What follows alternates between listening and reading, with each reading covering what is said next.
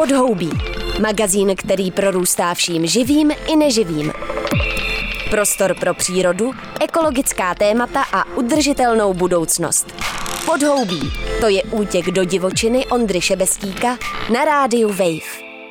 Jsou to dva roky od ničivého tornáda na Jižní Moravě, které přeházelo životy lidí v obcích mezi Břeclaví a Hodonínem. Koncem června zase Český hydrometeorologický ústav vydal varování před silnými až extrémně silnými bouřkami s rizikem vzniku tornád na jeho západě Čech. S globální změnou klimatu stoupají nejen průměrné teploty, ale i četnost extrémních projevů počasí, jako jsou vlny veder nebo bleskové povodně. Platí to ale i o bouřích a tornádech. Téma probírám s Petrem Zacharovem z Ústavu fyziky atmosféry Akademie věd České republiky.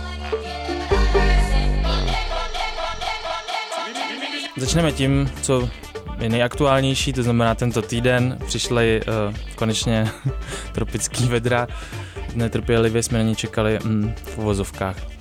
A to horké, hutné dusno pak několikrát rozčísly celkem prudké bouřky, doprovázené silným větrem, lámali stromy, odnesli několik střech a poslední varování Českého hydrometeorologického ústavu e, přišlo ve čtvrtek 22.6. a mluvilo se o izolovaných supercelách, e, riziku vzniku tornáda e, na západě Čech, o velkých kroupách, přívalových srážkách, narazech větru a tak dále. Ta předpověď nakonec úplně tolik nevyšla, ale to myslím teď nemusíme úplně řešit.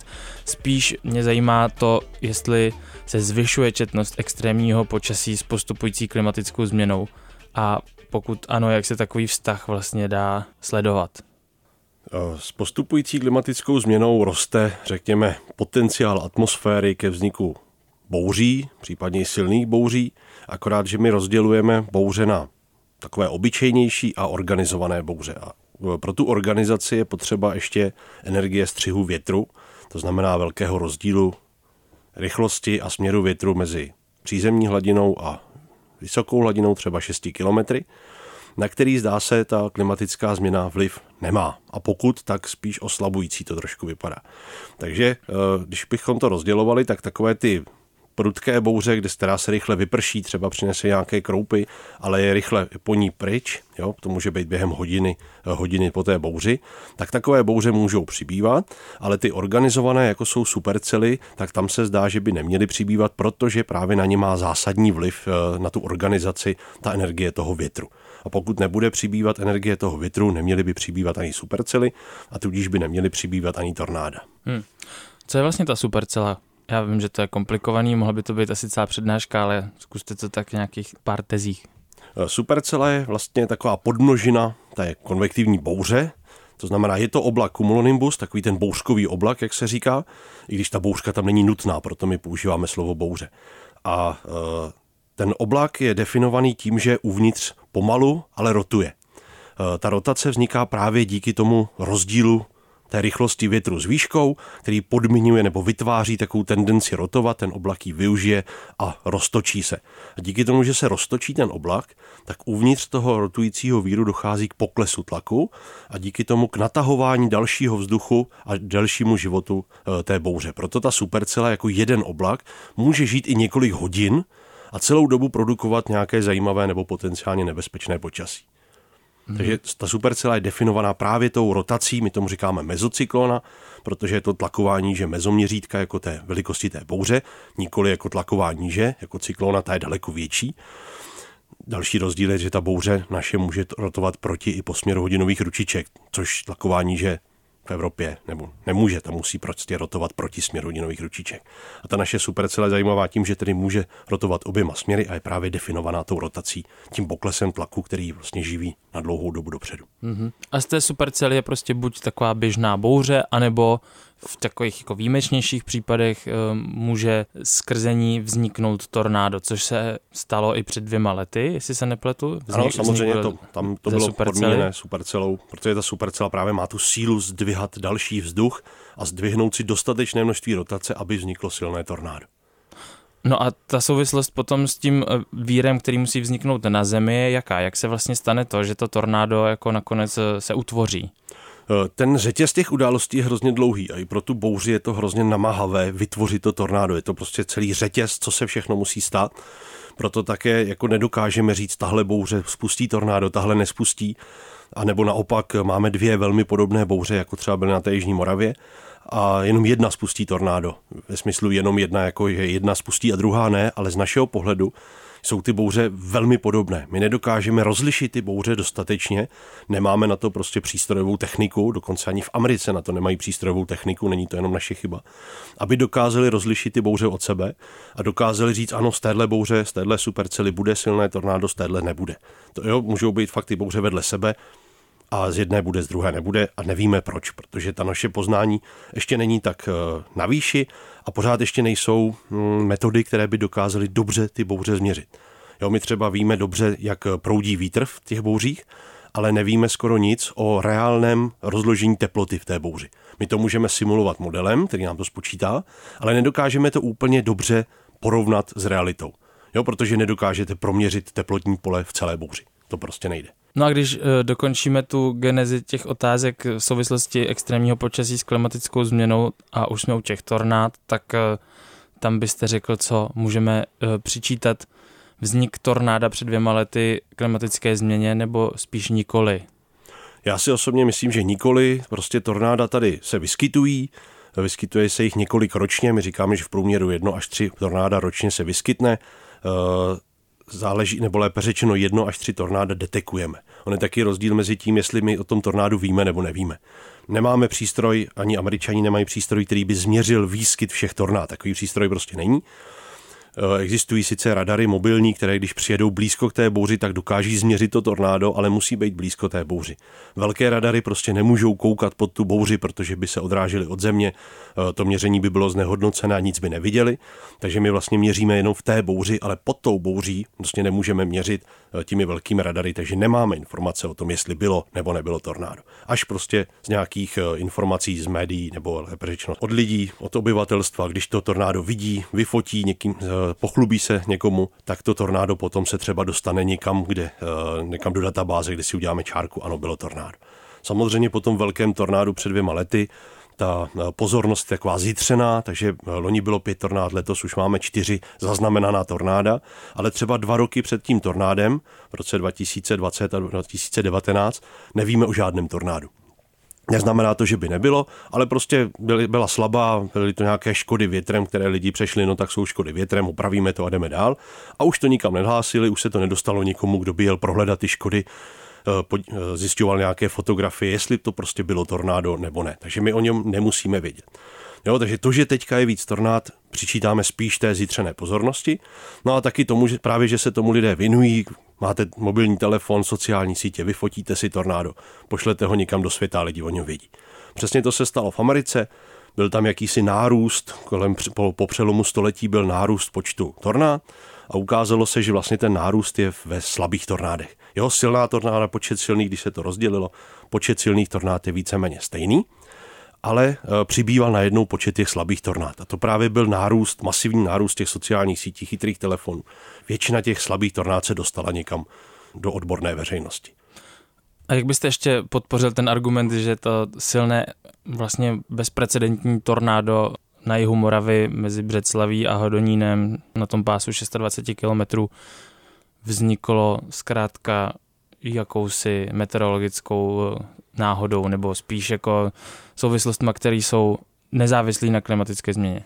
Já jsem to zapomněl doříct, to se omlouvám. Když, pokud máte výskyt těch slabých tornád, tak samozřejmě ze statistiky plyne, že když máte výskyt slabých tornád, tak jednou za čas přijde nějaké silnější, případně ještě silnější.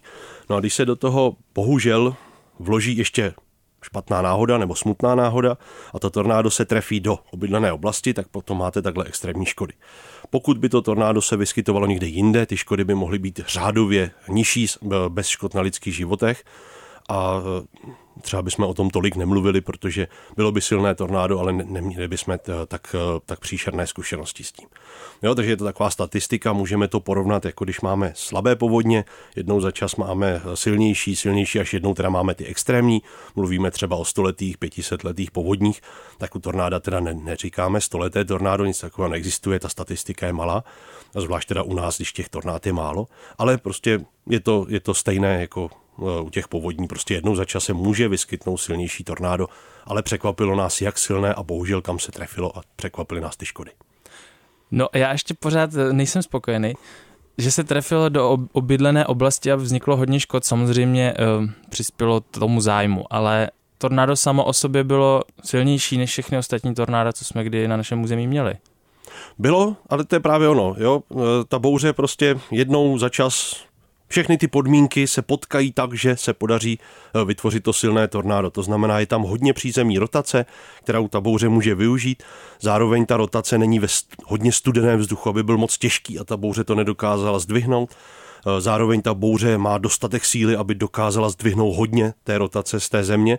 A když se všechno tohle to poskládá, a e, může na to mít právě vliv i nějaká okolní bouře, která třeba e, podpoří tu rotaci u země. Tak když se všechno tohle poskládá, tak ta bouře může spustit to tornádo. Ale někdy hmm. ano, někdy ne. Hmm. E, vypadá to, že vlastně včera jak byly to, bylo to varování na ty silné bouře, tak někde na, na, na západě Čech začalo něco takového vznikat, ale nedost, nedostalo se to až do té fáze toho tornáda, takže buďme rádi, že vlastně tornádo nevzniklo. I když varování bylo, Něco se tvořilo podle svědků právě v terénu, ale naštěstí teda tornádo nevzniklo. Já se na to ptám taky kvůli tomu, protože já jsem byl eh, v zimě v Dolomitech eh, natáčet podhoubí o klimatické změně v tom vysokohorském prostředí a v souvislosti s lyžováním a s turismem. A ptal jsem se, jaký dopady klimatické změny v těch dolomitech kolem těch 1500 metrů a výš jakoby vnímají, tak srážek víceméně dostatek, i když třeba nepravidelně, víc teplých dní, méně sněhu, to je jasný, ale pak si stěžovali, že v létě právě přichází velmi prudké bouře, které uh, jako vypadalo to, že úplně nemají zkušenosti s tím, že by takhle prudké bouře takhle často jakoby přicházely. Takže jestli je tam nějaká dynamika třeba toho, když se ta průměrná teplota zvedá, teplota je pro nás taky nějaká forma energie, že jo? A ta energie se musí nějak nakumulovat a pak asi se nějak uvolňuje. Jestli se zkrátka bouře stávají prudčími a jestli se to dá uh, s tou klimatickou změnou nějak jako propojit tahle ta úvaha. Nárůst teploty může to podporovat. To je ta první podmínka, aby ta bouře vůbec vznikla, tak my musíme mít nějakou energii v té atmosféře, eh, která vzniká úplně zjednodušeně řečeno tím, že máme na Zemi hodně teplý vzduch a ve výšce hodně studený vzduch, máme velký teplotní rozdíl a bublina, která nám potom bude stoupat ze Země, bude chtít vytvářet ten oblak, tak když bude stoupat, tak bude hodně teplá, vůči okolí bude lehoučka jako balónek a bude rychle stoupat nahoru a bude vytvářet ten oblak. No a pokud teda bude vyšší teplota na Zemi, tak eh, samozřejmě se ten teplotní gradient, jak my tomu říkáme, ten rozdíl s tou výškou, tak se, bude, tak se zvýší a může být větší ta energie pro vznik té bouře. Ale to je právě pro vznik nějaké, řekněme, třeba i prudké přehánky, takové, my tomu říkáme jednoduchá cela. Je to jako jedna bouře, jedna struktura, která vznikne, vyprší se a je konec. Potom ta organizace tím větrem už dodává zase nějaké speciality, dlouhý život, vznik nějakých intenzivnějších eh, projevů a tak dál, ale to je už je jako to už je něco navíc, aby právě vznikla ta organizace. Ale samozřejmě na začátku musíme mít tu energii atmosféry. No a pokud se tedy bude zvyšovat teplota, tak je pravděpodobně, že se bude zvyšovat i počet, případně i síla těchto těch těch jednoduchých bouří, i když ta jednoduchá bouře může přinést jako poměrně intenzivní přehánku, případně nějaké kroupy. Dobře. Existují nějaký výzkumy klimatologický o tom, jak se vyvíjí uh, tornáda třeba na území USA. Už jsme mluvili o tom, že četnost uh, se nebo že množství v celku se úplně nemění, ale možná se mění ta distribuce nebo místo, kudy ty tornáda probíhají. Právě v USA se statistika dělat dá, protože tam, tam je v průměru nějakých 1200 tornád za rok a z toho už se statistika dělat dá. Navíc ta řada pozorování je poměrně dlouhá, protože to samozřejmě eh, obyvatele i vědecké pracovníky zajímá. Takže eh, z té statistiky eh, vyplývá eh, například to, že, jak jste říkal, nepřibývá počtu tornád, ale rozšiřuje se trošku sezóna tornádická, to znamená od kdy do kdy se ty tornáda vyskytují. Vypadá to, že klesá trošku počet dní, kdy se tornáda vyskytují, ale je to kompenzováno tím, že když už nějaká situace vznikne, tak těch tornád je víc. Což by odpovídalo tomu, že ty bouře budou jako četnější, to znamená, ten den je víc těch bouří a využijí teda ten den právě třeba toho střilu větru a e, díky tomu je víc těch organizovaných bouří v ten jeden den, jo? protože máme ty připravené podmínky tím větrem, vyskytne se víc bouří a využijí teda e, ten potenciál toho větru. No a zároveň, co asi by mohlo být nejhorší, je, že se stěhuje trošku ta oblast směrem, kde vznikají ta nejsilnější tornáda, tak se stěhuje trošku na východ do obydlenějších oblastí a do oblastí, které na to nejsou úplně připraveny. Eh, jsou tam velké jako chudinské čtvrti, kde eh, vůbec nejsou připraveni na to, že by přišlo tornádo, to znamená, mají tam ty betonové sklepy, jsou to chatrné budovy nebo takové ty mobile housey, se kterými samozřejmě tornádo jako zamete, bohužel. Jo, není to taková ta část Ameriky, kde jsou na to zvyklí a hol teda zalezou do sklepa a e, přežijou to ve sklepě. Bohužel mobil house že samozřejmě žádný sklep, e, sklep nemají, takže to tornádo může působit větší škody a díky tomu paradoxně může přibývat trošku jako na intenzitě těch tornád, protože sílu tornáda hodnotíme zpětně podle dosažených škod. Je na českém území nějaký potenciál k lepšímu vzniku tornád co se týče krajiny, anebo takováhle souvislost úplně tam není? No, jednak si musíme uvědomit, že za, tu, za to tornádo může ta původní mateřská bouře. To znamená, někde dřív musí vzniknout bouře, třeba ta supercela, aby to teda bylo to silné tornádo. A e, ta bouře potom při jejím postupu, který teda u té supercely je zajímavý, že to není úplně s průměrným prouděním, že ta bouře se odchyluje podle smyslu té její rotace buď vpravo nebo vlevo eh, od toho průměrného proudění, což se taky dost špatně předpovídá, tak eh, to tornádo vznikne někdy, nebo může vzniknout někdy během toho jeho života. To znamená, to tornádo si nevznikne kde chce, ale kde ta bouře bude mít ten potenciál a poskládá celý ten řetěz, aby teda eh, vytvořilo to tornádo.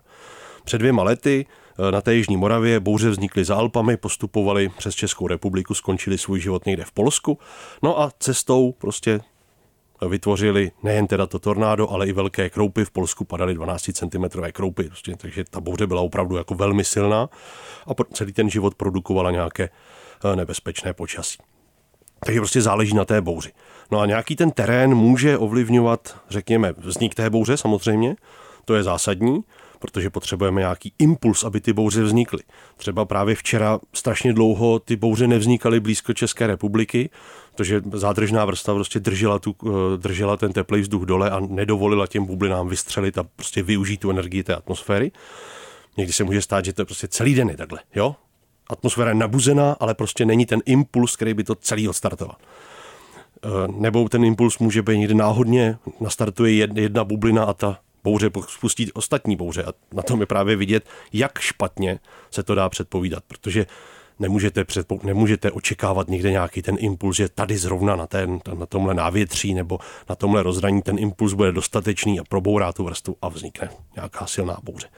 Takže musí vzniknout ta bouře, to je první podmínka, pak se ta bouře šíří s nějakým relativně řídícím prouděním, u těch supercel je to teda trošku e, složitější. A cestou může potkat podmínky, že teda vytvoří to tornádo. Co se týká rozsahu tornád po České republice, tak je to víceméně se tornáda vyskytovaly všude. Vyskytovaly se v kopcovatých terénech, někde u Teplic, eh, vyskytovaly se na Vysočině, vyskytovaly se na Jižní Moravě, takže nemůžeme tvrdit, že máme nějaký terén, který by byl jako pro ta, eh, pro ta tornáda lepší. Prostě záleží na těch bouřích. Bouře často vznikají nad Šumavou eh, nebo za Alpami, tak to jsou jako, jako top místa, samozřejmě můžou vznikat i kdekoliv jinde. A to tím pádem je vidět, že ta tornáda prostě taky mohou vzniknout vlastně jako let kde. Samozřejmě nečekáme, že by tornádo přelezlo třeba hřeben Krušných hor, i když na Slovensku je případ, kdy tornádo přelezlo celkem jako vysoký hřeben. Ne, teď nemyslím teda vysoký Tatry, ale nějaký nižší, ale tornádo dokázalo, že ta bouře ho protlačila přes celý, eh, přes celý ten hřeben, takže může se stát, nečekali bychom to na nějakých prudkých horách, ale prostě co vydrží ta bouře, Eh, ta bouře, musím si taky představit, že je základna třeba ve dvou kilometrech, eh, ta bouře je vysoká do 11-12 kilometrů na terénem, takže na to nemá zásadní vliv nějaké prostě kopečky, jo, ta bouře si prostě pojede relativně po svým. Co má vliv je třeba proudění v tom terénu, které může právě napomáhat nějakému tomu nízkohladinovému střihu větru, právě nějaké změně proudění u, hladi, eh, u, u hm, povrchu, to může nahrávat třeba vzniku toho tornáda nebo napomáhat tomu vzniku což samozřejmě na Jižní Moravě úplně neplatí, tam to teda je placatý, ale uh, může zase něco podobného dělat ta jiná bouře, jo? že se stejné bouře fouká trošku jiným směrem, než kdyby tam ta bouře nebyla a to dává právě vznik nějakému tomu té změně rychlosti a směru větru u, hla, u, po, povrchu země, která právě pomáhá vzniku tomu tornádu. Už jsme se tady bavili teda i o té včerejší eh, výstraze Českého hydrometeorologického ústavu o riziku extrémně silných bouří, které nakonec ale proběhlo, ale ne úplně tak na našem území. Tak co se stalo vlastně v tom Německu, nebo proč to nedošlo k nám? Jednak, jak jsem zmiňoval, tak byla ta zádržná vrstva prostě ubránila nějakému impulzivnímu vývoji těch bouří eh, někde v Bavorsku, které by k nám jako přišly o něco dřív. A zádržná vrstva v atmosféře se myslí? Nebo zádržná co? vrstva v atmosféře. Je to prostě vrstvička, která je, eh, ve které eh, je trošku vyšší teplota, třeba si můžeme představit. No a ta naše bublina, která když se na Zemi zahřeje, bude stoupat a bude teplejší než okolí, takže bude stoupat jako balonek. A najednou se dostane do třeba inverzní vrstvičky, kde ta teplota najednou bude vyšší o něco No a ta naše bublina najednou začne být studenější než okolí. To znamená těžší a zastaví se a půjde zpátky. A když neprobourá tuhle tu vrstvičku, tak prostě se nedostane nad ní právě do té, tam je ta připravená energie, tam už je ten velký pokles teploty s výškou, tam právě to čeká na tu bublinu a když tam ta bublina nedostane, tak se nic nestane. A čeká se prostě, kdy se tato zádržná vrstva probourá. No a zároveň musíme si uvědomit, což je velmi důležité pro předpověď, že předpověď silných bouří je, je plošná záležitost. E, pravděpodobně ani v blízké budoucnosti nebude předpověď, že třeba nakladně bude nějaká intenzivní bouře supercela produkovat velké kroupy, ta předpověď bude vždycky plošná. Z mého pohledu, pokud se předpoví, že ve středních Čechách bude intenzivní bouře s eh, velkým krupobytím a ona nakladně skutečně bude, tak z mého pohledu je to výborná předpověď. Eh, pro ty opravdu extrémní jevy, jako bylo tohle varování, to, to, ta oblast, na které se předpovídá možnost výskytu, je ještě větší. Byly to vlastně západní Čechy, severozápadní Čechy plus eh, velký kus Německa. A v Německu skutečně velké bouře vznikly, byly tam kroupy, bylo tam pravděpodobně tornádo, eh, v Čechách byly velké nárazy větru. Sice v Čechách to nesplňovalo tu nejvyšší kategorii varování, ale zase na druhou stranu žádná předpověď není stoprocentní. Právě třeba díky nějakým omezujícím faktorům došlo ke spoždění vývoje těch bouří už k večeru a potom ty bouře nebyly třeba tak silné, jak se očekávalo, ale v Německu eh, ty bouře silné byly a ty bouře nerozlišují samozřejmě hranice. To znamená, ty bouře celkem splnily, co se od nich očekávalo, akorát, že z pohledu českého občana byli v Německu, což není zase tak zajímavé, neničilo to nějaké naše majetky. No, každopádně to je dobře a jsme rádi, že i takovýhle plošné předpovědi můžeme mít, takže já moc děkuji za návštěvu ve studiu Radia Wave a mějte se dobře. Rádo se stalo, děkuji za pozvání. Naschledanou. To byl Petr Zacharov z Ústavu fyziky atmosféry Akademie věd České republiky. Doufám, že vám při nejbližší letní akci neodletí Partistan a že si užijete léto naplno. Uslyšíme se za týden, zatím čau. Chybí ti čerstvý vzduch a ptačí cvrlikání? Tak běž do lesa. Nebo si pusť podhoubí třeba uprostřed betonové džungle.